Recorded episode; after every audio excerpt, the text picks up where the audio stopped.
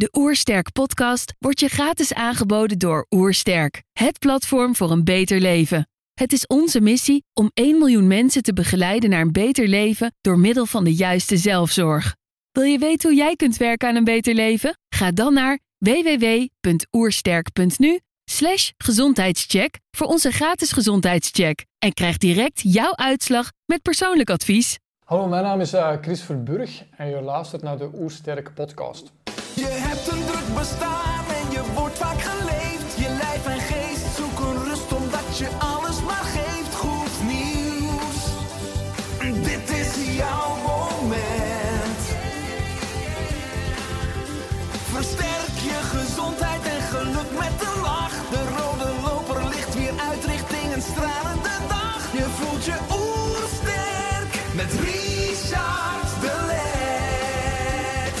zijn hier in Heemskerk voor een podcast met Chris Verburg. Chris is arts, onderzoeker en auteur van de bestsellers De voedselstandloper en Veroudering Vertragen. Ik ben benieuwd naar zijn tips voor een beter leven. Trouwens, geniet je van onze podcast? Abonneer je dan en laat een reactie of review achter. Zo help je ons om het gezondheidsvirus te verspreiden. Let's start! De Oersterk Podcast. Een ontdekkingstocht naar een beter leven. Chris, welkom. Fijn dat je er bent. Ik lees op je website. Hij heeft een sterke interesse in nieuwe trends en ontwikkelingen in de geneeskunde en biotechnologie. Welke nieuwe technologieën zullen de geneeskunde en onze gezondheidszorg transformeren?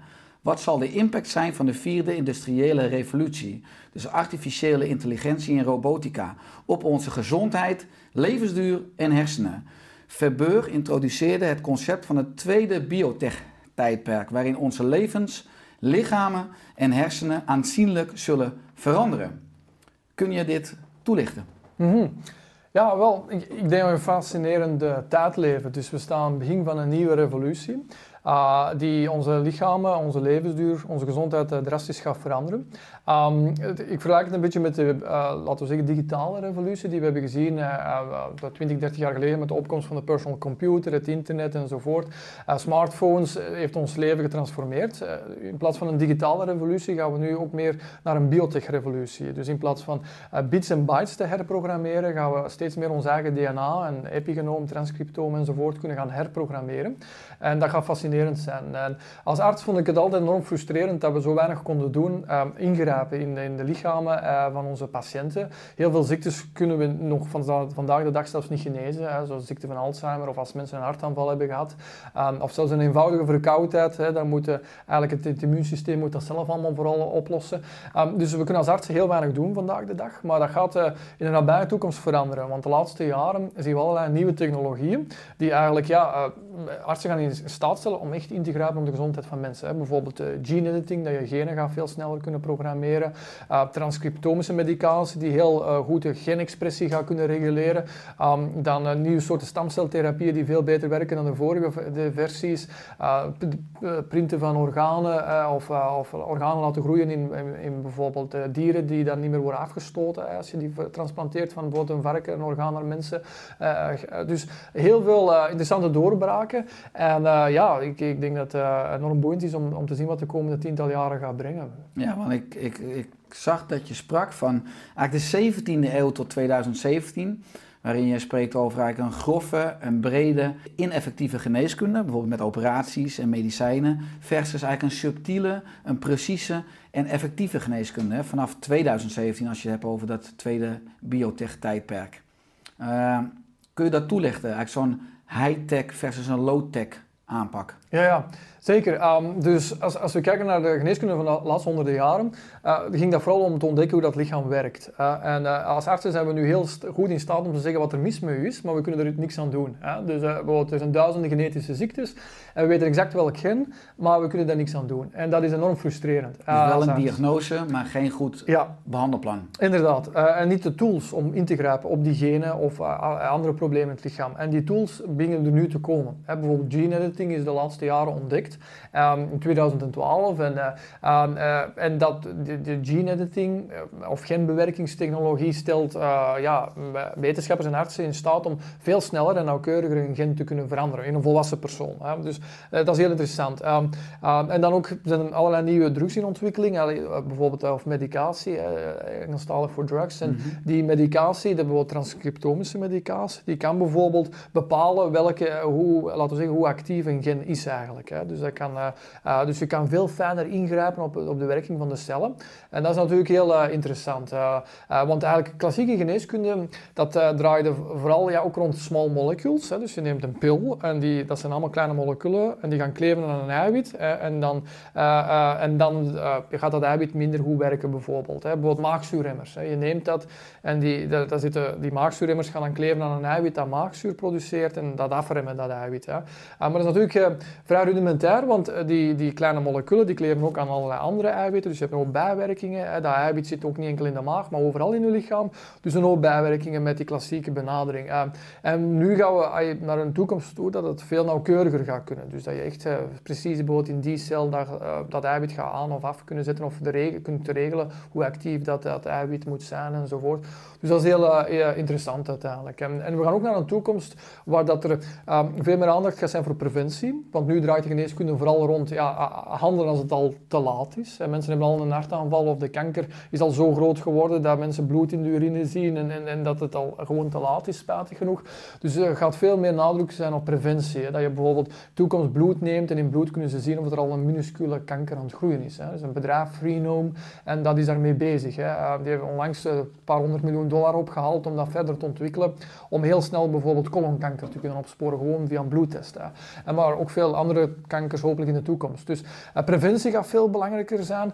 Um, en dan ook veroudering aanpakken. Dus eh, veel uh, steeds meer artsen te dagen, uh, de paradigmaverschuiving gaande, zijn uh, de, die eigenlijk uh, uh, dat mensen zich realiseren dat als je veroudering aanpakt, kan je veel beter verouderingsziektes kunnen aanpakken. Want in essentie, uh, ja, heel veel verouderingsziektes zoals Alzheimer of hart- en vaatziektes, um, osteoporose, maculaire degeneratie, dat is een oogziekte, dat treedt op vooral door veroudering. Dus dezelfde processen, processen, die zorgen voor veroudering, die zorgen eigenlijk voor die ziektes. En, en dus het brengt veel meer mensen te dagen dat we eigenlijk veroudering gaan moeten aanpakken om al die ziektes tegelijkertijd goed te kunnen aanpakken. Ja. Ja, want wat bij jou interessant is, er zijn genoeg artsen die afstuderen en dan gaan ze, worden ze huisarts of ze gaan in het ziekenhuis werken. Maar jij hebt als arts een enorme sterke interesse voor preventie, voeding, veroudering en ook neurowetenschap. Ja. Hoe is dat zo ontstaan? Ja, ja. Wel, het, ik vind het uh, heel boeiend uiteindelijk. Uh, ik ben altijd enorm geïnteresseerd geweest in wetenschap. Altijd vragen gesteld van, ja, hoe groot is het heelal? Is er een rand aan het heelal? waarom zijn wij hier? Wat is leven? waarom zijn wij anders dan een steen of iets levensloos? dus altijd enorm nieuwsgierig geweest. En um, als arts ja, ook altijd enorm geboeid geweest door hoe het lichaam werkt. En ook door de veroudering zelf. Want uiteindelijk veroudering is enorm boeiend. Dat is de reden waarom wij eindig zijn. Waarom, dat ons, waarom dat we uiteindelijk nou, hopelijk 80 jaar of langer moeten doodgaan. Hè, dus door veroudering. En waarom bestaat veroudering eigenlijk in de natuur? Want er zijn bepaalde diersoorten die niet lijken te verouderen, die onsterfelijk lijken te zijn. Dus dat zijn allemaal vragen die ik mij al vanaf jongs af aan stelde. En het interessante ook aan veroudering is, buiten dat het zo filosofisch interessant is, en, uh, is dat eigenlijk ja, heel veel ziektes uiteindelijk ontstaan door verouderingsprocessen. Hè. Dus die verouderingsziektes, zoals hart- en vaatziektes, dementie enzovoort, die ontstaan door uh, inherente verouderingsprocessen. Um, dus, dus om maar te zeggen, dezelfde zaken die zorgen voor veroudering, zoals bijvoorbeeld ja, uh, DNA-schade of proteïneopstapeling of epigenetische ontregeling, dan ook mitochondriale schade, telomeerverkorting, senescente cellen die overal ontstaan. Dus die processen die zorgen voor veroudering, die zorgen ook voor hart- en vaatziektes, ziekte van Alzheimer, osteoporose, maculaire degeneratie enzovoort. Dus, dus dat is zo boeiend dat eigenlijk veroudering bestuderen, dan kan je eigenlijk veel beter begrijpen waarom dat, die verouderingsziektes optreden en ook hoe dat we kunnen op ingaan. Want als je kennis hebt van veroudering, kan je ook veel beter door de bomen het bos zien wat al die diëten betreft. Er zijn heel veel diëten. Elk dieet eh, zegt, eh, claimt de waarheid te hebben. Eh, je hebt hoog proteïne diëten, hoog vet, low, carb diëten, dan heb je caloriebeperkend enzovoort. Dus er zijn honderden diëten in omloop. Maar eh, mijn benadering van voeding is eigenlijk helemaal anders. Dus ik kijk benadering voeding niet vanuit, eh, ja, bijvoorbeeld heb je genoeg vitamines of mineralen of, of te weinig of te veel calorieën binnen. Maar eigenlijk, ik benader voeding vanuit veroudering. Dus als je weet waarom we ouder worden, kan je veel beter inschatten wat is nu een gezond voedingspatroon op eh, lange termijn. Ja. ja, want je hebt het net over nieuwsgierigheid. Hè. Je schreef jouw eerste boek toen je 16 jaar oud was. Eh, op 25-jarige leeftijd was je auteur van drie boeken over wetenschap, geneeskunde en filosofie. Het is natuurlijk interessant als je het ook hebt over ja, die combinatie high-tech, low-tech, ook in de Mhm. geneeskunde. Want het is bijna een filosofische vraag als je, als je zou stellen van in hoeverre zijn wij als mens in staat om bijna de leiding van de natuur, van de evolutie over te nemen met de Mhm. mogelijkheden die we nu allemaal hebben. Ja, ja, ja inderdaad. Eh, dat is een, heel goede opmerking. Eh, ik, ik denk dat we met die nieuwe technologieën eh, eigenlijk voor het eerst in staat gaan zijn om onze eigen genetische lotbestemming in handen te nemen. Hè. Dus eh, je wordt geboren in een soort genetische loterij. Je bent geboren met de genen die je hebt. Um, en eh, nu gaan we eigenlijk ja, die genen kunnen aanpassen. We gaan die met gene editing die genen kunnen herschrijven. met de en epigenetische medicatie die genen heel goed kunnen regelen van hè, hoe, hoe actief een gen precies moet zijn enzovoort. Um, en dus we gaan kunnen ingrijpen. En sommige, er zijn ook al biohackers hè, die, doen, eh, die claimen of beweren al zelf eh, bijvoorbeeld zich in te spuiten met CRISPR-proteïnen om eh, een gen te veranderen om meer spiermassa te hebben, zodat ze minder naar de gymzaal moeten gaan. Hè. Dat is natuurlijk niet echt gelukt toen dat die biohacker zich daarmee live online op het internet inspoot. Maar om maar te zeggen, het is het begin van een nieuw tijdperk. Want vroeger als je een gen veranderen, dan had je uh, twee jaar tijd nodig, een hoogtechnologisch lab van miljoenen euro's. En, uh, maar nu kan je eigenlijk een gen veranderen voor 80 euro op je keukentafel. Uh, met die nieuwe uh, genbewerkingstechnologieën. Dus dat is toch een groot verschil. Dus je hebt het gevaar natuurlijk dat ja, biohackers dat gaan gebruiken, maar ook bioterroristen. Ja, dus je zou gemakkelijk die gentherapie kunnen gebruiken voor een bacterie te maken die resistent is tegen alle antibiotica.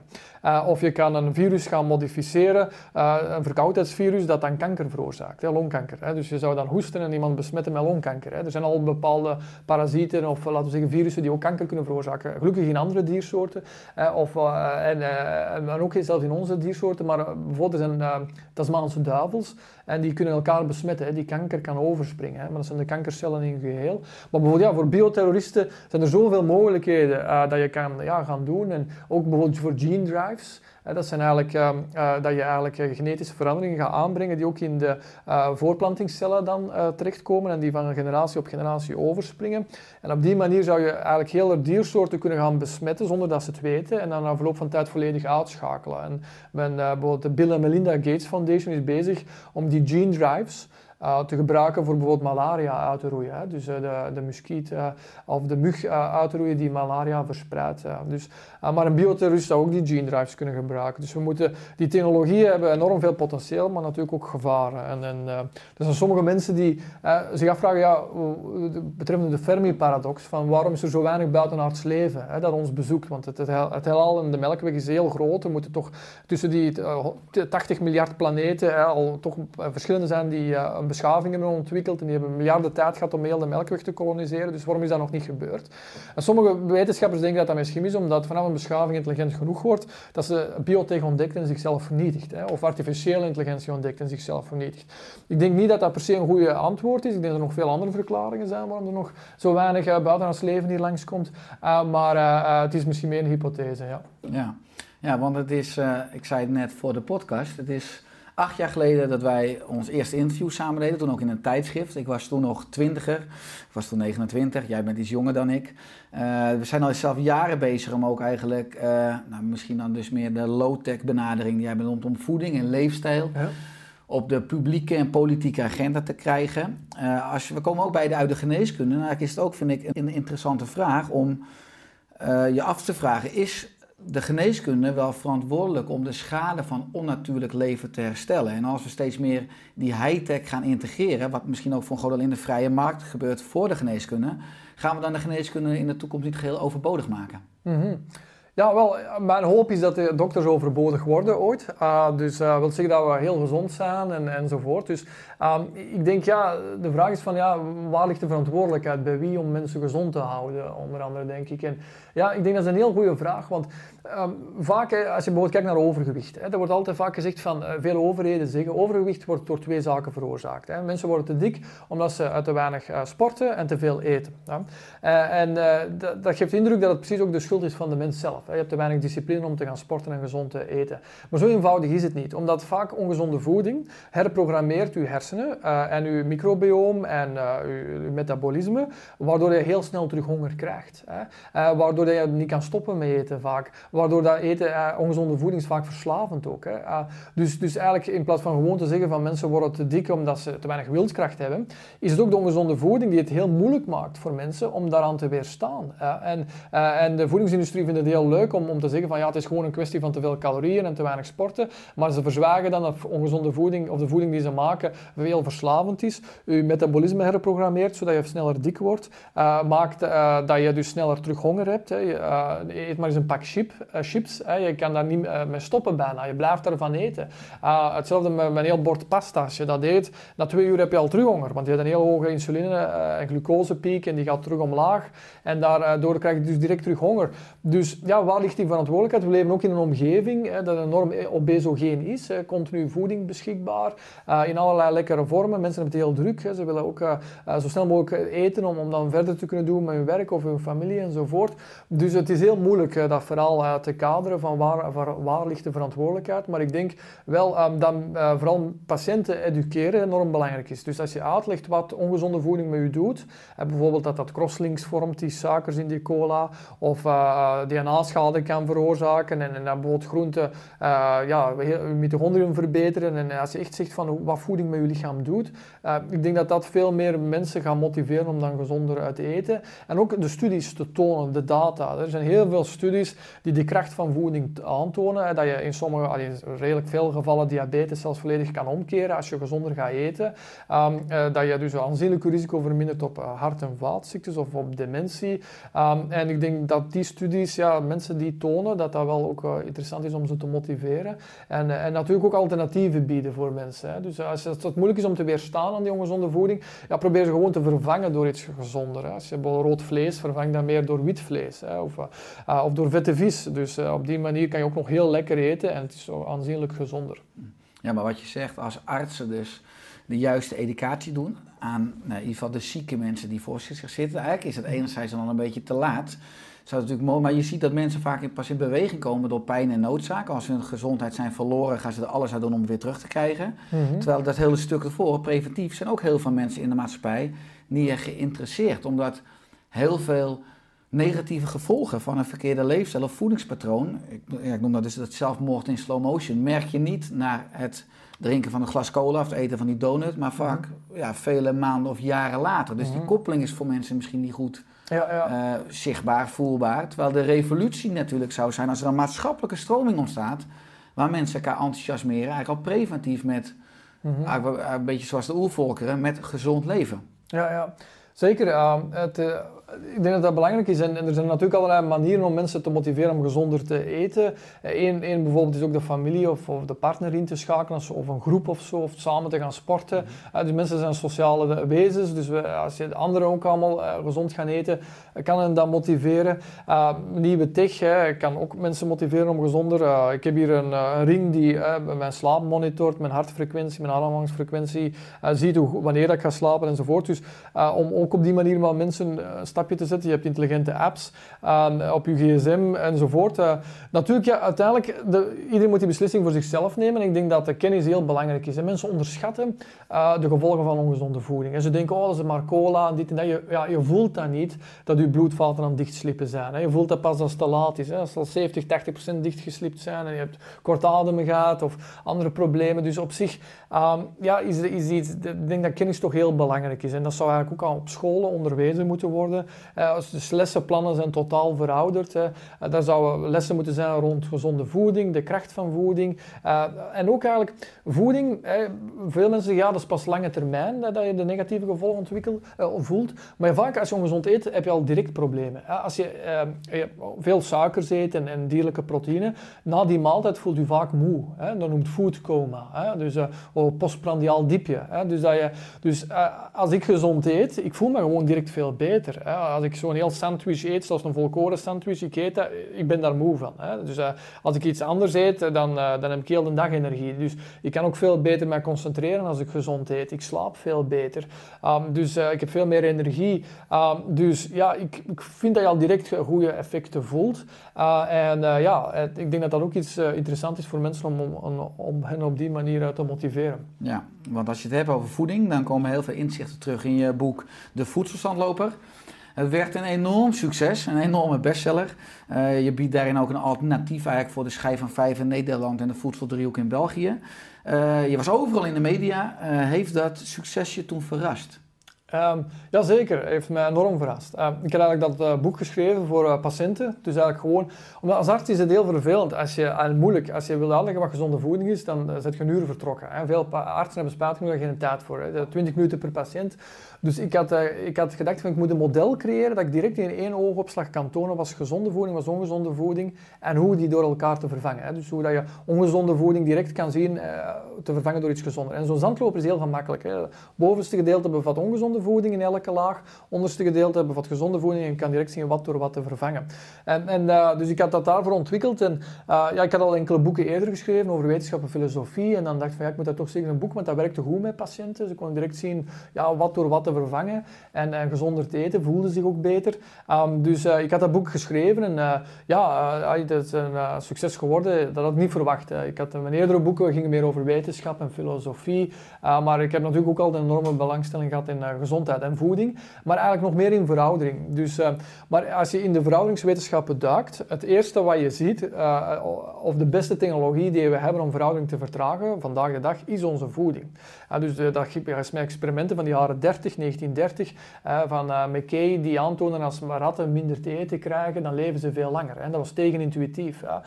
dus, en, dus we zien dat voeding eigenlijk de krachtigste methode is om veroudering te vertragen en al die verouderingsziektes af te remmen. En, maar natuurlijk ja, in de toekomst gaan er ook allerlei nieuwe biotechnologieën komen ook om, om dat verouderingsproces in te grijpen.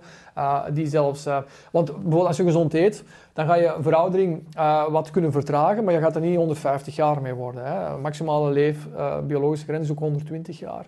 maar om eigenlijk door die grens te stoten, moeten we biotech nodig hebben. En we zien ook al in experimenten dat het mogelijk is om oude muizen bijvoorbeeld te verjongen, hè, via epigenetisch her te programmeren. Dus dat is ook een paradigmaverschuiving, is dat het mogelijk is om veroudering niet enkel te vertragen, maar om te keren. Maar dat is allemaal voor de toekomst. Hè.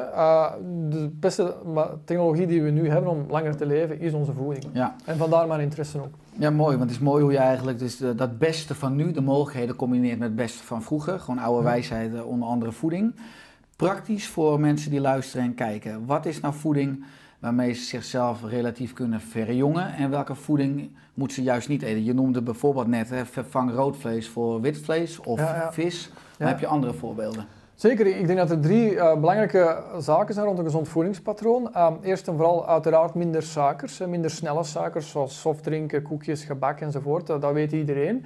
Maar een tweede belangrijk aspect van dus minder koolhydraten is dus niet enkel minder suikers, maar ook minder zetmeelrijke producten. dus minder brood, aardappelen, pasta, rijst.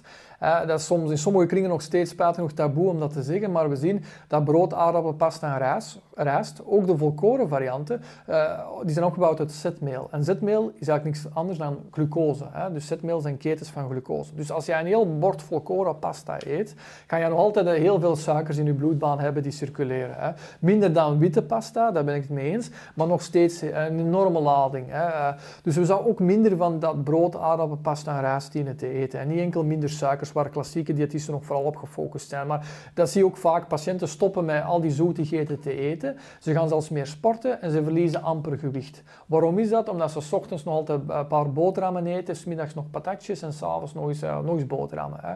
En dat is toch nog altijd te veel, zeker als je ouder wordt en uh, je metabolisme minder goed werkt, moet je ook die zetmeelproducten minderen. Dus dat is het eerste principe. Het tweede principe is meer gezonde vetten.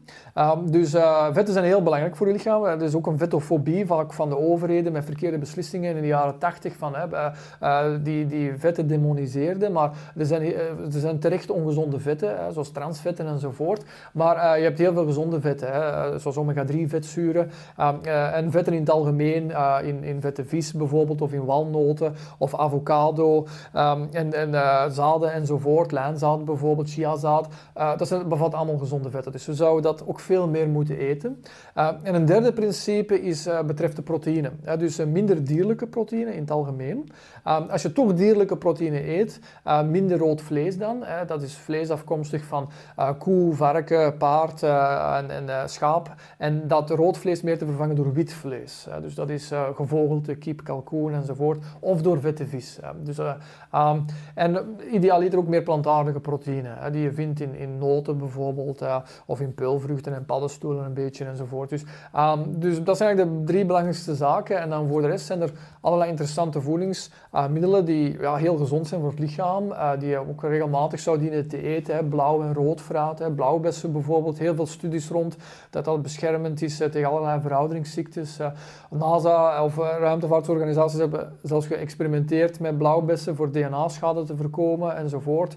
Um, dus uh, dan ook bijvoorbeeld ja, gezonde dranken, groene thee, witte thee drinken.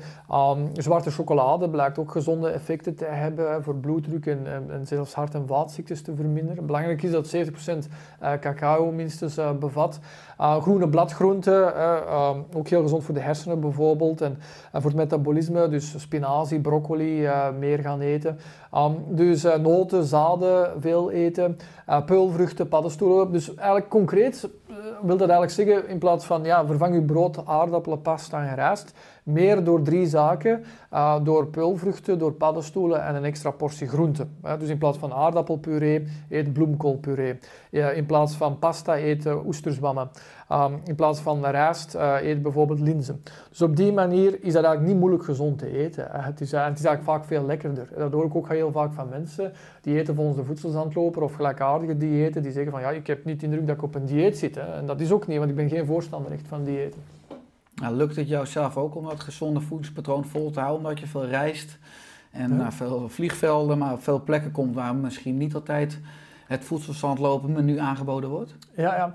Ah, zeker, ja. Ik, ik heel veel. Um, dus, uh, dus in dat opzicht, ja, uh, het is niet zo ideaal. Ook de jetlag, hè. dus je hebt ook circadiaans ritme. Ook je stamcellen, hè, die uh, nieuwe weefsels genereren, hè, zijn onderworpen aan circadiaanse ritmes.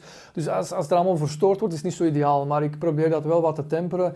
Onder andere door melatonine te nemen, hè, dat wat sneller programmeert.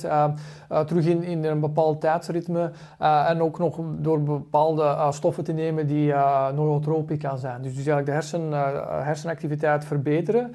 Um, want zeker als je moe bent en groggy ergens aankomt en je hebt dan een vergadering, dan uh, neem ik bijvoorbeeld ja, wat Bacopa moniri of Rhodiola rosea. En dat zijn ook neuroprotectieve kruiden die ook, uh, ja, ook energie geven. Dus, dus vandaar. Dus op die manier kan je de vermoeidheid of het probleem van te wakker zijn en in slaap te vallen, waarvoor je melatonine gebruikt. ik heb ook bepaalde brillen. Ik heb een bril met um, bruin glas die eigenlijk blauw licht blokkeert. Dus als je dat blauw licht blokkeert, dan val je ook gemakkelijker in slaap. Um, en ik heb ook een bril die eigenlijk blauw licht schijnt in je ogen. Dat is om wakker te worden. Dus, uh, dus dat is ook altijd gemakkelijk als je naar het oosten reist. Um, dat je dan die blauwe licht dat opzet. Hè, want is, als je om 9 uur wakker wordt in, in Shanghai, dan is het 2 uur s'nachts in, in België. Dus dan, met dat blauwe licht ga je dan sneller wakker zijn. Je laat je systeem ja. weten, het is ochtend, dus je, ja. je maakt je bioritme weer sneller in ritme. Ja, ja zeker. een beetje biohacking. Ja, ja, mooi, zeker. Uh, ja, want na je boek De Voedselzandloper volgde een ander boek, Veroudering Vertragen. Hij staat hier voor de kijkers. Uh, en dat boek werd ook vertaald in het Engels, onder andere met een quote van professor David Ludwig hè, van Harvard. Uh, wat zijn de belangrijkste boodschappen in dit boek? Ja, ja. Ah, ja, wel, eh, dat boek is, eh, dat gaat meer in over ver, uh, veroudering zelf. Dus Ja, maar eigenlijk is een kernvraag die je al eerder benoemde. Waarom verouderen we eigenlijk als mensen? En, en hoe? En wat kunnen we daartegen doen? Ja, ja, inderdaad. Dus het boek wil eigenlijk eh, verklaren waarom veroudering bestaat en wat we eraan kunnen doen. Ehm, waarom veroudering bestaat is enorm boeiend. Hè? Eh, want er, zoals ik zei, er zijn ook diersoorten die niet lijken te verouderen. En je hebt bepaalde polypen eh, die onsterfelijk lijken te zijn. Je hebt eh, bepaalde kwallen, zoals Turritopsis dornis, die zelfs kunnen verjongen als ze gestresseerd zijn. Dus dat is ook heel gemakkelijk. Ehm, en je hebt, je hebt bepaalde haaien die 400, 500 jaar oud kunnen worden. Je hebt de Groenlandse walvissen die minstens 200 jaar oud worden. Dus ehm, ja, hoe komt dat? eh, en je hebt muizen die twee jaar oud worden. Hè? Dus hoe komt dat een muis twee jaar oud wordt en een walvis 200 jaar? Dat is een honderdvoudig, jaar, eh, honderdvoudig verschil. Dus ehm, eh, om daar verder op in te gaan. En eh, we kunnen daar heel veel van leren. Hoe dat diersoorten een heel lange levensduur kunnen bereiken. En, eh, neem nu ook bijvoorbeeld die walvissen. die die eh, zijn ook, eh, leven niet enkel veel langer, maar zijn ook veel beter beschermd tegen kanker. Hè? Want eh, eh, die walvissen zijn enorm groot, dus die hebben veel meer cellen. En elke mutatie in een cel is voldoende om kanker te krijgen. Dus normaal zouden walvissen veel meer kanker moeten krijgen. Dat noemt Peto's paradox. Hè? Waarom hebben die grote walvissen zo weinig kanker? En omdat die eh, zoveel cellen hebben, moeten, is er altijd het risico dat één cel een kankercel wordt. Ehm, dus dan blijkt dat ze zich veel beter beschermen, onder andere met extra genetische kopieën eh, van P53. Dat is een, eh, een, eh, soort eiwit dat eigenlijk eh, eh, DNA-schade detecteert en, eh, en dat ongedaan tracht te maken. Ehm, dus, eh, dus, en ook naakte molratten bijvoorbeeld. Eh, Dat zijn heel lelijke knaagdieren zonder vacht. Hè. Die leven onder de grond, maar die worden tot 30 jaar oud. Eh, terwijl een gewone rat maar drie jaar oud wordt. Dus die leven tien keer langer dan gewone ratten. Hoe komt dat? Hè? Is een, eh, men ziet bijvoorbeeld dat die ehm, ja, hun eh, proteïne veel beter opbouwen, zodat die minder snel samenklonteren enzovoort. Dus we kunnen daar heel veel uit leren. Ehm, en anderzijds, ja, het boek gaat ook eigenlijk over de nieuwe technologieën. Om langer te leven, een veroudering eh, te vertragen. Eh, en dan ook simultaan het risico te verminderen op al die verouderingsziektes. eh. dus dat gaat over bijvoorbeeld senescente cellen uitschakelen. dus dat zijn eigenlijk cellen die zich opstapelen overal in ons lichaam en die ongezonde stoffen afscheiden die de gezonde omliggende cellen beschadigen. En die senescente cellen, hoe ouder dat we worden, hoe meer ervan. Eh, en de senescente cellen in de huid veroorzaken, draagt bij tot rimpels. Senescente cellen in de bloedvaten zorgt voor stijvere bloedvaten enzovoort. Dus er zijn nu allerlei wetenschappers en ook bedrijven bezig om die senescente cellen uit te schakelen. En dan zie je soms eh, heel interessante resultaten, althans in muizen, die verjongd worden.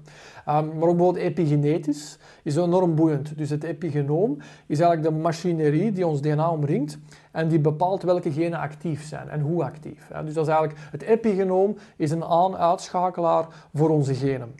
En hoe ouder we worden, hoe meer dat, dat epigenoom ontregeld geraakt. Dus bepaalde genen gaan aanstaan, zoals eh, oncogenen, dus genen die kankerrisico verhogen. Eh, en bepaalde genen gaan afstaan, die eigenlijk moeten opstaan, zoals herstelgenen enzovoort. Ehm, dus dat epigenoom herprogrammeren is heel boeiend. En men heeft in studies dat gedaan, dat men dus muizen epigenetisch herprogrammeert. En die muizen worden jonger. Dus je hebt dan een oude muis met grijze vacht, eh, kale plekken, eh, eh, orgaanschade, niet meer heel verkennend. Hè. Dus, ehm, en die worden dan epigenetisch geherprogrammeerd. En die muizen zijn, die hebben terug een glanzend zwarte vacht. Ze zijn terug veel actiever, organen genereren terug veel beter enzovoort. Dus dergelijke studies tonen eigenlijk iets heel belangrijks aan. Die tonen aan dat het mogelijk is veroudering niet enkel te vertragen, maar ook gedeeltelijk om te keren. En dan zie je nu ook heel veel, laten we zeggen, wetenschappers en ook bedrijven mee bezig om eh, ja, ook het verouderingsproces niet gewoon te vertragen, maar ook gedeeltelijk om te keren. Dus dat zou eigenlijk hetzelfde zijn, iemand die 80 jaar is en terug eh 50 of 60 jaar te laten worden. Of misschien zelfs nog jonger. En eh, eh, bijvoorbeeld David Sinclair van Harvard University is daarmee bezig eh, eh, om bijvoorbeeld die fac- eh, Yamanaka-factoren die dat epigenetisch herprogrammeren kunnen bewerkstelligen, eh, eh, in de ogen te spuiten om bijvoorbeeld glaucoom eh, te gaan. eh, hij heeft ook gepubliceerd eh, en onlangs zagen we dat eh, ook bijvoorbeeld de kon eh, geregenereerd worden, onder andere door die epigenetische herprogrammatie. Maar er zijn nog heel veel andere manieren om veroudering aan te pakken. Uh, eiwitsamenklontering bijvoorbeeld af te remmen, dat ook bijdraagt tot veroudering. De mitochondriën verbeteren, dat zijn de energiecentrales van onze, lichaam, eh, van onze cellen. Die gaan ook schade oplopen bij het verouderingsproces. Dat kan je ook terug heropreguleren. Uh, ja, dus er zijn heel veel verschillende invalshoeken om, om veroudering eigenlijk bij de wortel aan te pakken. En dus ook al die verouderingsziektes. Ja, want je noemt dus een verschil tussen de chronologische leeftijd, volgens de kalender, en dus je biologische leeftijd. Ja, ja. Uh, waar je ook op in kan werken dan met, uh, met leefstijl. Je laat ook duidelijk zien dat we veel meer zijn dan ons genomen, onze genen. Eigenlijk de oude geneeskunde richt zich meer op uh, genetica, op genen en moleculen. En er is ook een epigenoom wat je dus noemt en ook een microbiome benoem je. Uh, hoe kunnen we nou met, dus met leefstijl, dus met beweging, ontspanning en voeding positief inwerken op dat epigenoom, op dat microbiome? Ja, ja. Wel zeker, dat is enorm boeiend wat je zegt. Hè. Vroeger draaide alles rond het genoom. Hè. Men heeft in 2003 het genoom in kaart gebracht en men dacht dan, ah ja, we weten alle genen, nu gaan we alle ziektes kunnen behandelen. Dat was een grote teleurstelling. Hè. Omdat het epigenoom is maar het topje van de ijsberg. Uh, sorry, het genoom is maar het topje van de ijsberg. Dus het genoom zijn al uw genen, ongeveer 20.000 genen. Maar eigenlijk, ja, een worm heeft ook 20.000 eh, genen. Hè. En wij zijn veel complexer dan een worm. En dat is om, omwille van ons epigenoom en transcriptoom. Uh, en die bepalen eigenlijk hoe actief elk gen is. En kunnen genen hercombineren en stukken van genen hercombineren. Dus gigantisch meer complexiteit dankzij dat epigenoom en transcriptoom. Um, en we zien ook, zoals ik zei, die epigenetische ontregeling bij het verouderen speelt ook een rol waarom we er ook ouder uitzien en minder goed kunnen functioneren en allerlei verouderingsziektes kunnen krijgen. Ook bij kanker bijvoorbeeld men denkt nog altijd dat mutaties in kankercellen, in het genoom, de drijvende kracht zijn achter kanker. Maar zo eenvoudig is het niet. We zien nu ook dat er heel veel eh, metabole ontregeling is in kankercellen, epigenetische ontregeling. Ehm, er zijn zelfs ook mutatie, modellen in muizen, waar dat muizen honderd keer meer mutaties oplopen in hun DNA, maar die hebben een normale levensduur. Dus, dus, dus mutaties in DNA is, maar, is niet het hele verhaal. En, uh, um, dus het epigenoom en zeker transcriptoom enzovoort spelen een belangrijke rol in onze gezondheid en ook voeding kan dat beïnvloeden. Er zitten bijvoorbeeld veel stoffen in voeding die het epigenoom reguleren. B-vitamines bijvoorbeeld. Uh, die veel B-vitamines uh, gaan het epigenoom kunnen reguleren door methylgroepen op het epigenoom, allee, op het DNA te zetten. En die methylgroepen, dat is een onderdeel van het epigenoom. zink reguleert het, epigenoom. Um, flavonoïden, dus, dus ook bepaalde stoffen in gember bijvoorbeeld, die, die hebben ook invloed op het epigenoom bepaalde aminozuren zoals glycine. Um, dus, dus voeding heeft zeker impact op het epigenoom en zeker op het microbioom. Dat, zijn de, uh, dat is ook eigenlijk ons, uh, laten we zeggen, een extra orgaan uh, dat veel mensen niet weten dat ze hebben. Maar dat zijn de bacteriën in al uw darmen. En die 40.000 miljard bacteriën in uw darmen, die hebben een heel belangrijke invloed op uw gezondheid. Dat is enorm onderschat geweest vroeger, hè, maar nu is daar heel veel bewijs ook voor. bijvoorbeeld als je door onze ongezonde manier van eten, is, het, is de bacteriën in onze darmen veel minder gediversifieerd. dus dus die diversificatie is veel minder.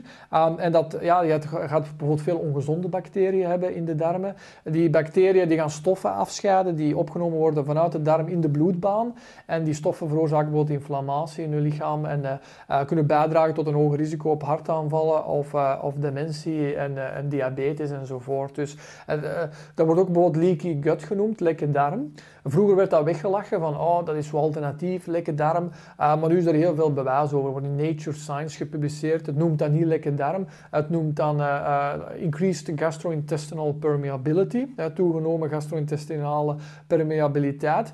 Maar het, dus, dus in dat opzicht zien we dat, en ook bij het ouder worden, wordt dat microbiome minder divers. Je gaat overwoekering krijgen van ongezonde bacteriën, die eigenlijk stoffen afscheiden, die in de, dus in de bloedbaan terechtkomen en nog grote problemen veroorzaken. En ook in de hersenen zelfs. Hè. Dat noemt de gut-brain axis. Dus eigenlijk uh, bacteriën, uh, dus eigenlijk hoe dat de darm ook het risico verhoogt op, op Parkinson. Hè. Er is bijvoorbeeld zelfs een bedrijf, Axial noemt dat, Axial Therapeutics, en die willen eigenlijk het gutmicrobioom modificeren om het risico te verminderen op autisme bijvoorbeeld, maar ook op Parkinson. Ja, dus, want er zijn zelfs bacteriën in de darm die een eiwit maken dat heel amyloïdachtig is. Dus dat in Parkinson wordt onder andere veroorzaakt door eiwitten die samenklonteren in, uh, in de substantia nigra bijvoorbeeld. Nu, die samenklonterende eiwitten die vinden we ook al terug in de darm, hè, of gelijkaardige eiwitten. Dan ook bijvoorbeeld curly-eiwitten. Bepaalde bacteriën maken die curly-eiwitten, die, die, zijn, die klonteren samen. En het zou kunnen dat die samenklontering een soort domino-effect is, een soort prion-effect.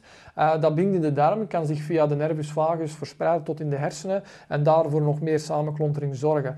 Uh, ik zeg nu niet dat uh, Parkinson wordt veroorzaakt door een slecht microbiome, maar het kan zeker een bijdragende factor zijn dat uw risico verhoogt op, op bijvoorbeeld Parkinson. Maar we zien ook bijvoorbeeld met Alzheimer, als je Alzheimer-muizen hebt en je gaat bijvoorbeeld hun, de bacteriën van die Alzheimer-muizen uit hun darmen verplaatsen naar gezonde, steriele muizen en hun darmen daarmee gaan infecteren met die bacterie, darmbacteriën van Alzheimer-muizen, dan zie je dat die gezonde muizen ook uh, amyloïd-samenklontering en um, andere samenklontering krijgen die je dus ook uh, ziet in Alzheimer. Hè. Um, en nog andere studies, als je bijvoorbeeld antibiotica geeft aan Alzheimer-muizen, dan krijgen die, uh, en die antibiotica werken vooral op darmbacteriën, dan krijgen die uh, Alzheimer-muizen ook minder snel proteïnesamenklontering. Dus, en zo zijn er nog heel veel andere studies die duidelijk een verband aantonen tussen de darm en onze hersenen, en ook voor depressie bijvoorbeeld. Hè. Er zijn studies die aantonen als ze bijvoorbeeld proefpersonen micro, probiotica nemen of, of zaken die gezond zijn voor het microbioom, dat ze bijvoorbeeld ja, zich beter voelen. En dat kan je ook zien in hersenscans. Hè. Dus de, de, deed men een hersenscan ervoor en daarna. En dan zag men dus mensen die voeding aten uh, met bepaalde, of bepaalde yoghurts met bepaalde micro, allee, prebiotica en probiotica in, dat dat ook uh, hersenveranderingen uh, teweeg bracht. Ja, mooi hoe alles zo toch met elkaar samenhangt. Wat altijd ja. al zo geweest is, maar waar we steeds meer achter komen. Hè. Je zegt heel prikkelijk met die low-tech benadering, een andere leefstijl kan de mens misschien maximaal 120 worden. Als we die high-tech benadering ook gaan koppelen, misschien wat tot 150 of mogelijk zelf onsterfelijk. Uh, hoe sta je daar zelf in als je kijkt, bedoel, je bent hartstikke jong, je bent dertiger. Heb jij dus ook nu voor jezelf de illusie of gewoon de wens of ook misschien wel het, de zekerheid van nou, ik, ik, ik richt me op ongeveer 150 jaar. En wat is je perspectief vanuit, omdat je al jong bezig was met wetenschap, hè, dus het Westen en filosofie van het Oosten op lichaam, geest en ziel. Want je kan misschien vanuit de ziel zeggen, op een gegeven moment is het leven volmaakt of goed. En dan is het prima om het lichaam mhm. weer te verlaten, ook al ben je ja, ja, ja. 72. Maar, maar wat is je, je perspectief op onsterfelijkheid en dus een stukje lichaam, geest, ziel? Ah, ja, ja. Wel, ja, eerst en vooral, ik hou niet zo van de term onsterfelijkheid, want uh, eigenlijk is het uh, amortaliteit, hè, want je kan nog altijd uh, onder een druk lopen, hè, dus je bent nog altijd uh, sterfelijk in die zin. En amortaliteit zou willen zeggen dat je altijd mensen blijven, verjongen. maar dat is nog, zover verre nog helemaal niet.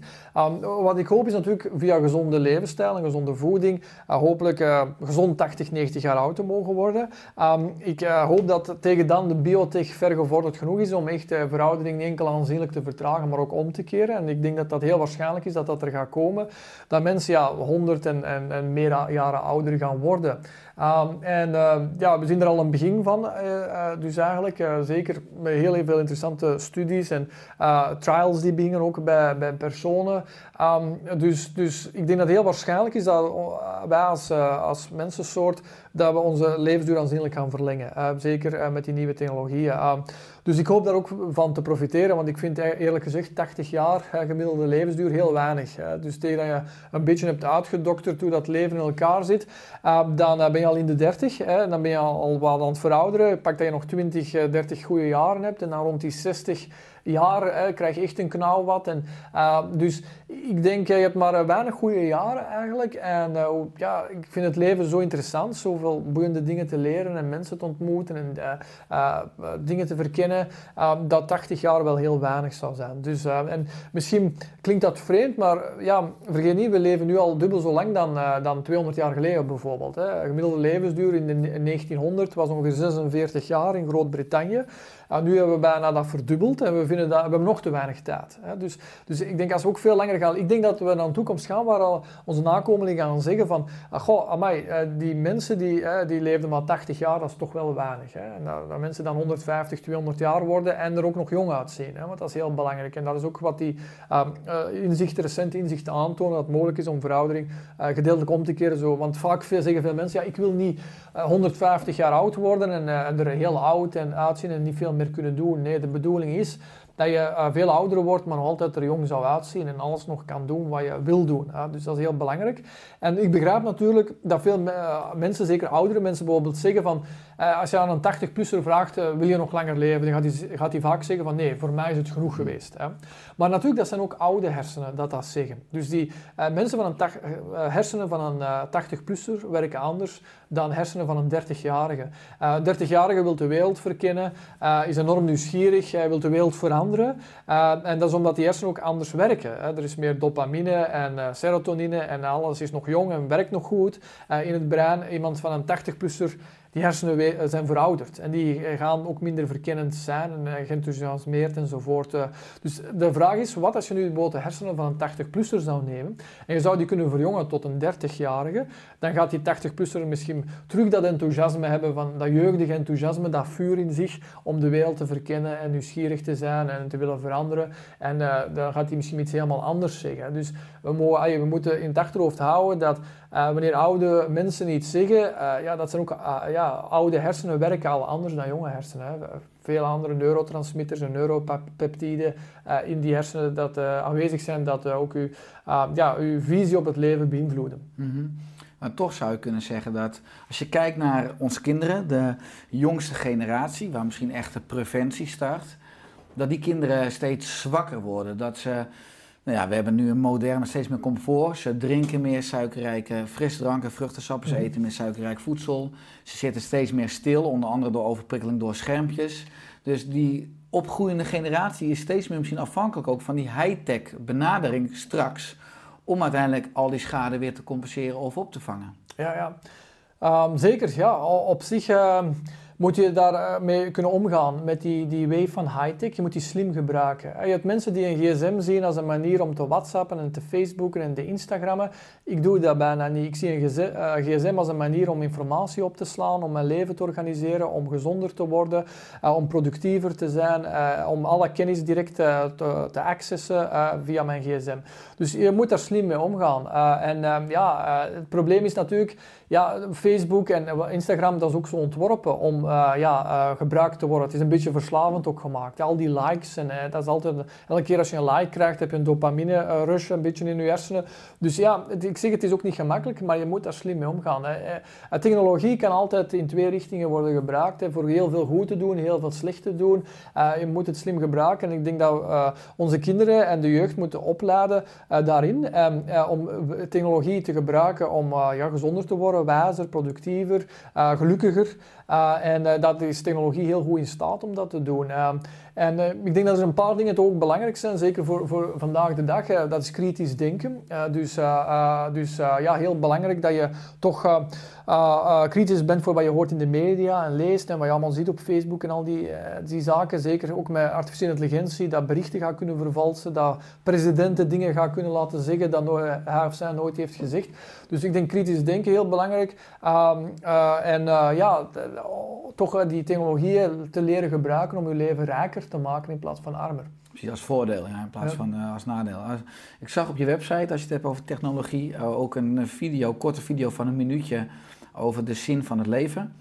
Vier aspecten werden benoemd. Anderen helpen, jezelf ontwikkelen, iets beter maken, dus bijdragen aan het grote geheel en verbinding. Je bent ook enorm actief op heel veel fronten. Wat is voor jou de zin van het leven? Wat geeft jouw leven enorm veel zin? Mhm. Ja, goede vraag. Ehm, voor, de zin van het leven voor mij goh, is, ehm, ik, ik vergaar heel graag kennis, dus ik leer graag heel veel nieuwe dingen bij, dus ik put daar heel veel zin uit. Eh, dus om altijd bij te leren. Eh, ook andere mensen te helpen met die kennis. Dus ik heb altijd eh, vanaf jongs af aan, eh, als ik iets lees, dan zeg ik, oh, dan wil ik aan iedereen vertellen. Hè. Zo interessant en, nuttig. Dus ik heb ook altijd vaak lezingen gegeven vanaf toen ik nog heel jong was. Niemand wou een spreekbeurt geven voor de klas. Ik was altijd, ik, had te veel spreekbeurten. Zei de leerkracht van, nee, al meer dan genoeg dit jaar spreekbeurten gegeven. Dus voor mij vind ik het heel leuk om bij te leren en ook mensen te informeren en te helpen met die kennis.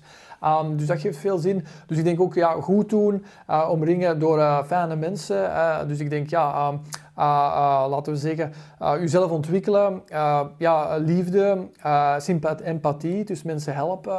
dat dat allemaal, je oogst ook wat je zaait. Hè. Dus ik denk ook heel belangrijk is dat je eigenlijk altijd respect voor mensen hebt en, en goed bent voor mensen.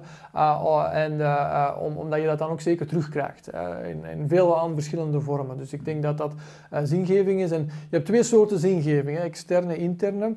Externe zingeving is, hè, dat moet van buitenaf komen. Hè. Dat moet een, een opperwezen zijn of, uh, of bijvoorbeeld zoiets. Maar ik denk heel veel zin is intern. Uh, dus dat je doet door andere mensen te helpen, um, door uh, affectie, uh, liefde, um, kennis, jezelf ontwikkelen, de wereld beter maken, de menselijke beschaving vooruit helpen op je eigen manier, door, door kleine dingen, door grote dingen. Um, ik denk dat dat veel zin geeft. Ik denk ook mediteren ook heel belangrijk is. ik heb, vanaf jongens af aan mediteer ik al. Um, en dat helpt ook, ja, want het ego wat te verminderen. Het ego is het ik en mensen in het Westen zijn enorm gefocust op het ik. en, we hebben een zelfbewustzijn. Er zijn maar een paar diersoorten die een zelfbewustzijn hebben. Dus dat wil zeggen, je, kan, je bent bewust van dat je zelf een punt bent in de ruimte hè, waar, dat al die gevoelens enzovoort heeft. Hè. Heel veel andere diersoorten hebben wel een bewustzijn. Hè. Zij voelen pijn en honger hoogstwaarschijnlijk en zijn blij, maar zij gaan niet denken van ik ben blij. Hè. Dus, of ik heb honger. Ze gaan denken van uh, honger, uh, blij enzovoort en daarop ageren. Maar er zijn maar een paar diersoorten, zoals uh, mensapen, zo, uh, chimpansees bijvoorbeeld, of uh, bonobo's, en ook walvissen en kraaiachtige en, en, dergelijke, die een, een, zelfbewustzijn hebben. Dus die weten, die herkennen zichzelf in een spiegel ook. Als je een kraai voor een spiegel zet, die gaat zichzelf daarin herkennen. Als je een konijn of een hond voor een spiegel zet, die, die gaat er naar blaffen. Dus, dus dat zelfbewustzijn is een zegen, maar ook een vloek. dus dat zelfbewustzijn maakt dat je ook simulaties van jezelf kan maken in de toekomst. En, dan kan je, en dat zorgt voor heel veel zorgen. Je kan denken van wat gaat er met mij gebeuren in de toekomst of hoe kom ik over bij andere mensen of wat gaan ze van mij denken. Dus dat ik is enorm centraal in onze gedachten en eigenlijk via te mediteren ga je dat ik een beetje afzetten. Hè? Dus je gaat gewoon uh, emoties ervaren, maar niet altijd uh, vanuit een ik-perspectief. Van ah, is dat, doe ik daar wel goed aan en ik moet dit nog doen, ik moet dat nog doen, wat denken ze van mij? Dus via meditatie ga je dat ik-stemmetje ook in je hoofd bijvoorbeeld afzetten. En ik denk dat we dat allemaal meer moeten doen. En uh, ons realiseren dat we deel uitmaken van een, een groot geheel. Um, en uh, van, ja, we zitten hier op het moederschip aarde, en, in een groot ruimteschip. en, ja, en eigenlijk is het ironisch, maar we zijn eigenlijk, eigenlijk allemaal al goden. Dus we beslissen, beseffen dat vaak niet. Um, maar um, als je kijkt wat we allemaal hebben verwezenlijkt. Hè, we kunnen bijvoorbeeld via vliegtuigen uh, sneller dan het geluid vliegen. Hè. Uh, we kunnen via Skype uh, bellen met mensen aan de andere kant van de wereld. Hè, een soort telepathie. Um, we, we, vliegen in de lucht, hè, dus, zoals we enkel goden konden. we hebben heel onze omgeving naar onszelf aangepast. we hebben alle voeding in overvloed, soms te veel. Dus, dus we leven eigenlijk al bijna als goden, als je dat vergelijkt met andere diersoorten soorten enzovoort. Um, en het, is, het probleem is, we zijn omringd met 7,8 miljard andere goden, dus we denken dat het niks is. Hè, maar ja, we zijn omringd, de aarde, door uh, miljoenen lichtjaren leegte. Uh, veel planeten zijn onbewoonde steenwoestijnen. Uh, en ja, dus het feit dat wij hier dat gesprek voeren, na, drie, na laten we zeggen 14 miljard jaar kosmische en biologische evolutie, is een wonder. En ik denk dat ook die verwondering elke dag, dat geeft mij ook zin. Uh, en uh, we, we, we, nemen het for granted dat wij hier zitten, dat we dat hier allemaal hebben, maar het is ongelooflijk. Dus eigenlijk elk atoom in ons lichaam, of veel atomen, is ge, ge, werd gecreëerd in, in sterren. Mm -hmm. dus de oerknal creëerde gewoon waterstof en helium, maar geen ijzer en koolstof en stikstof enzovoort, fosfor. Dat werd allemaal gecreëerd uit sterren, die dat gas omzetten in die elementen. Dus het fosfor in ons DNA, het ijzer in ons bloed, het calcium in onze botten, dat komt uit sterren. Dus we zijn letterlijk sterrenstof, of iets minder poëtisch zijn we nucleair afval van de sterren. Maar we zijn eigenlijk een stuk van de kosmos, elke mens is een stukje van de kosmos dat tot bewustzijn komt van zichzelf. En dat is een ongelooflijk iets. En ik denk dat we daar enorm dankbaar voor moeten zijn en, verwonderd elke dag. En ook als je kijkt hoe dat menselijk lichaam werkt, is ongelooflijk complex. Er gaat ook heel veel mis in die complexiteit. Kanker, veroudering, een hoop immuunziektes enzovoort. Je kunt zo gek niet bedenken. Maar desondanks werkt het uh, tamelijk goed, verre van perfect, verre van. Maar het is zoals het nu al werkt, is het uh, echt uh, enorm ja, mind-boggling, dus enorm indrukwekkend. En, dus die dankbaarheid voor ja, dat, dat, dat ik kan praten en dat, dat die, die triljarden atomen samenwerken, zodat ik met u kan praten en heel dat kosmische verhaal daarachter, tegen dat we hier zitten, dat geeft me ook heel veel zin. En ik denk dat die, die dankbaarheid is heel belangrijk. Um, en, want eigenlijk het leven is een geschenk dat niet hoefde.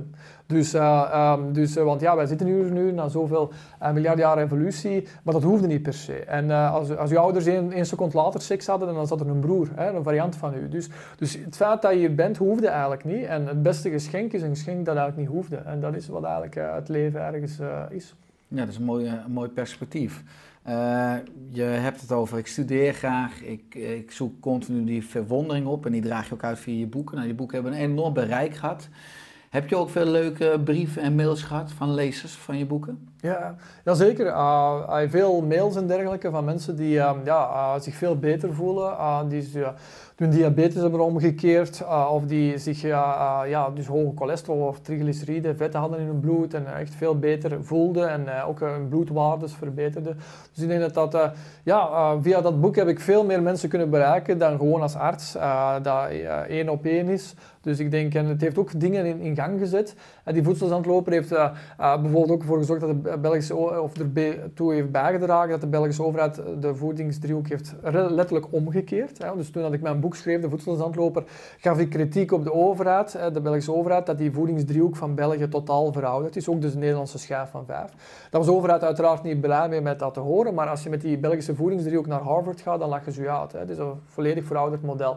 Maar nu hebben ze na mijn boek uiteindelijk omgekeerd, letterlijk. En gedaan een beetje zoals ik zei. Dus veel minder nadruk op zetmeelproducten uh, en uh, meer wit vlees en gezonde vetten. En, dus dat is geweldig. Dus, dus ik denk dat het boek zeker veel zaken in gang heeft gezet en veel meer mensen heeft bewust doen maken over het belang van voeding in hun lichaam en gezondheid.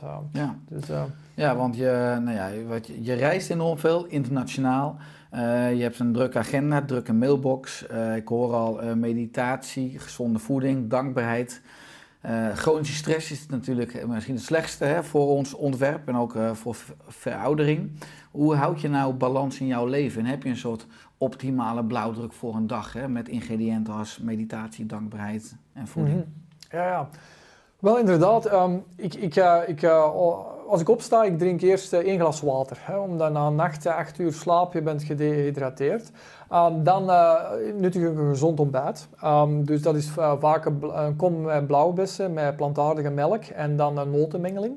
Uh, en daar uh, ja, wat zaden tussen bijvoorbeeld en uh, een stukje zwarte chocolade dat ik daarbij eet. Dat is bijvoorbeeld één voorbeeld. Um, daarna eet ik, neem ik veel voedingssupplementen. Dus, want zelfs al eet je gezond, dan heb je vaak nog niet genoeg aan bepaalde micronutriënten en voedingssupplementen. Dat is ook een heel complex verhaal. Moeten we supplementen slikken of niet? Je hebt daarvoor en tegenstanders. Ik ben het met beide niet eens.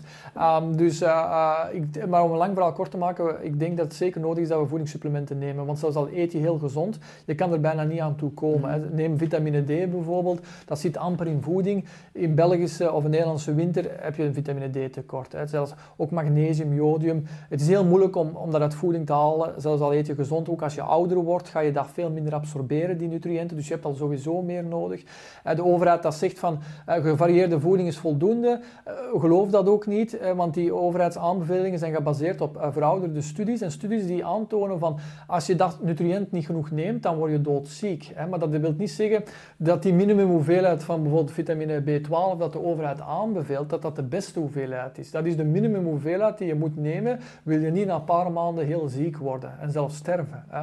Maar dat zegt daarom nog niet van, is dat de ideale hoeveelheid? En zeg bijvoorbeeld, kijk naar vitamine B12. Veel overheden bevelen 4 microgram ongeveer aan per dag, maar we zien dat eigenlijk 20 microgram eigenlijk het beste is. Hè. Omdat vanaf 20 microgram zie je ook uh, minder DNA-breuken enzovoort. Dus, dus neem dat advies van de overheid en een korreltje zout kan altijd veel beter en is ook vaak veel trager. Uh, tegen de overheid iets, iets gaat zeggen, dan moet het al 20, 30 jaar uh, bewijzen neerrekenen in de, in de uh, literatuur. Dus, dus wat ik eigenlijk wil zeggen, um, ja, die, die voedingssupplementen, ik neem veel voedingssupplementen wel. B-vitamines, jodium, magnesium, selenium, vitamine D, in combinatie met vitamine K dan, NMN, dat is een stof die veroudering misschien wat kan afremmen, ficetine. Um, dus, dus dat neem ik dan s ochtends. Uh, en dan ja, begin ik aan de dag. Uh, en dan uh, ja, smiddags of s'avonds eet ik een maaltijd met heel weinig zetmeelproducten. Dus heel weinig brood, aardappelen, pasta of rijst. Ik vervang die dus door uh, extra portie groente of door peulvruchten of paddenstoelen. Uh, en uh, voordat ik ga slapen neem ik ook nog wat supplementen om... om dus ja, in, in, dat is een beetje de dag. En ook meditatie probeer ik ook te doen in bed. dus dat is eigenlijk de beste manier, want je ligt al. En als je, want soms met meditatie het, geval, het gevaar dat je in slaap valt. Hè. Dus, dus daarmee is dat idealiter om dat s s'avonds te doen als je in bed ligt en dan te mediteren. Je kan op YouTube miljoenen filmpjes vinden om te mediteren. Hè. Dus, en dan dat beluisteren.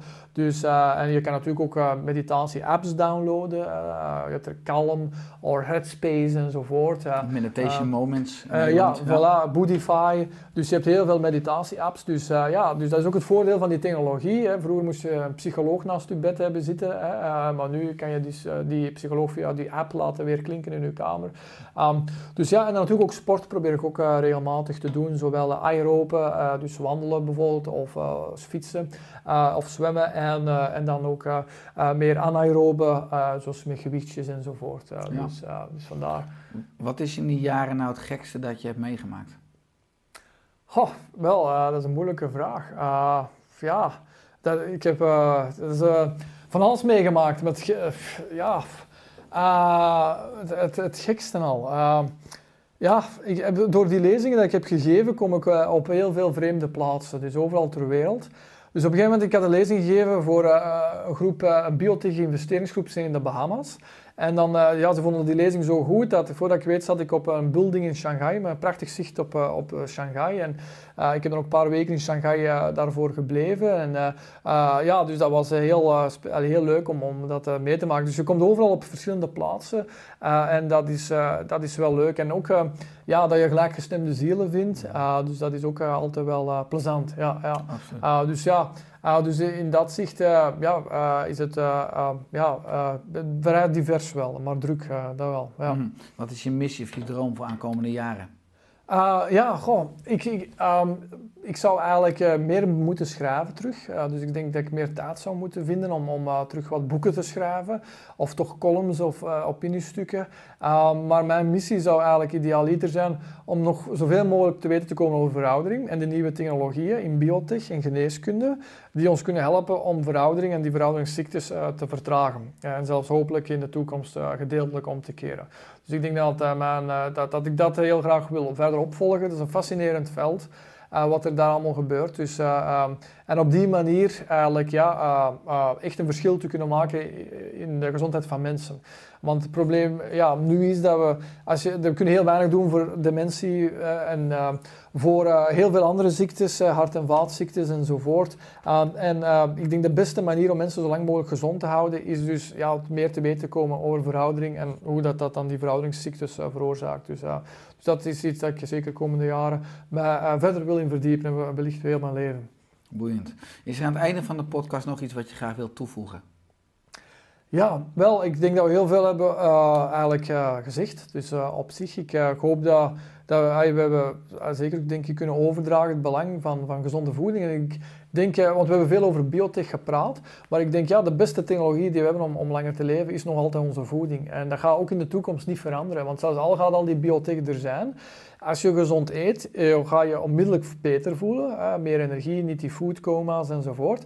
Uh, en ook je gaat dan die, die behandelingen kunnen uitstellen. Je gaat dan niet epigenetisch geprogrammeerd moeten worden enzovoort. Om de 10 jaar, maar je kan dat misschien om de 20 jaar doen. Plus ook die biotechbehandelingen van de toekomst zijn interessant, maar die zullen misschien ook niet alles kunnen oplossen. Dus er zal nog altijd wel schade optreden. En die schade kan je afremmen ook door een gezonde levensstijl. Dus gezonde voeding zal altijd heel belangrijk zijn. En, um, ik hoop ook dat uh, artsen en verpleegkundigen en um, diëtisten um, ja, ook veel meer zich daarmee gaan uh, bezighouden nog. Dus uh, met ook de nieuwste ontwikkelingen op dat vlak, want het is enorm belangrijk om, om mensen eigenlijk gezond te houden. Eens. Waar kunnen mensen meer vinden over jou, over jouw diensten, over je boeken?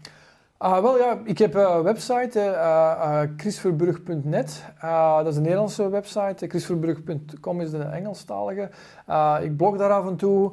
ik heb ook enkele boeken geschreven, zoals De Voedselzandloper en het boek hier, Veroudering Vertragen. Dus als mensen meer willen weten over, over veroudering en, en voeding, dan kunnen ze zeker die boeken lezen. Um, dus ik heb ook nog boeken geschreven over, over ja, kosmologie, het, over het universum, hoe dat het universum ontstaat en, en de grote vragen van het leven, van ja, wat is bewustzijn bewustzijn. Uh, wat is moraliteit? Hè? Hoe komt dat uh, we moraliteit hebben ontwikkeld en andere dieren ook en, sommige meer en minder. Uh, dus al die, wat zijn herinneringen? Hoe werkt ons brein? dat is in eerdere boeken, dus een boek Fantastisch heb ik geschreven toen. Dat probeert die grote vragen ook te beantwoorden of gedeeltelijk, zover dat we daar kunnen allemaal bevatten en weten. dus als mensen meer willen weten, kunnen ze ook altijd die boeken lezen. Mooi Chris, dankjewel voor je komst in de Oerstek podcast. Voor je passie en je enthousiasme en uh, voor je kennis. En uh, ga vooral door met je, met je mooie goede werk. En dat we maar met veel meer kwaliteit van leven en verwondering ouder mogen worden. Ja, graag gedaan. Mijn plezier. Alle goed.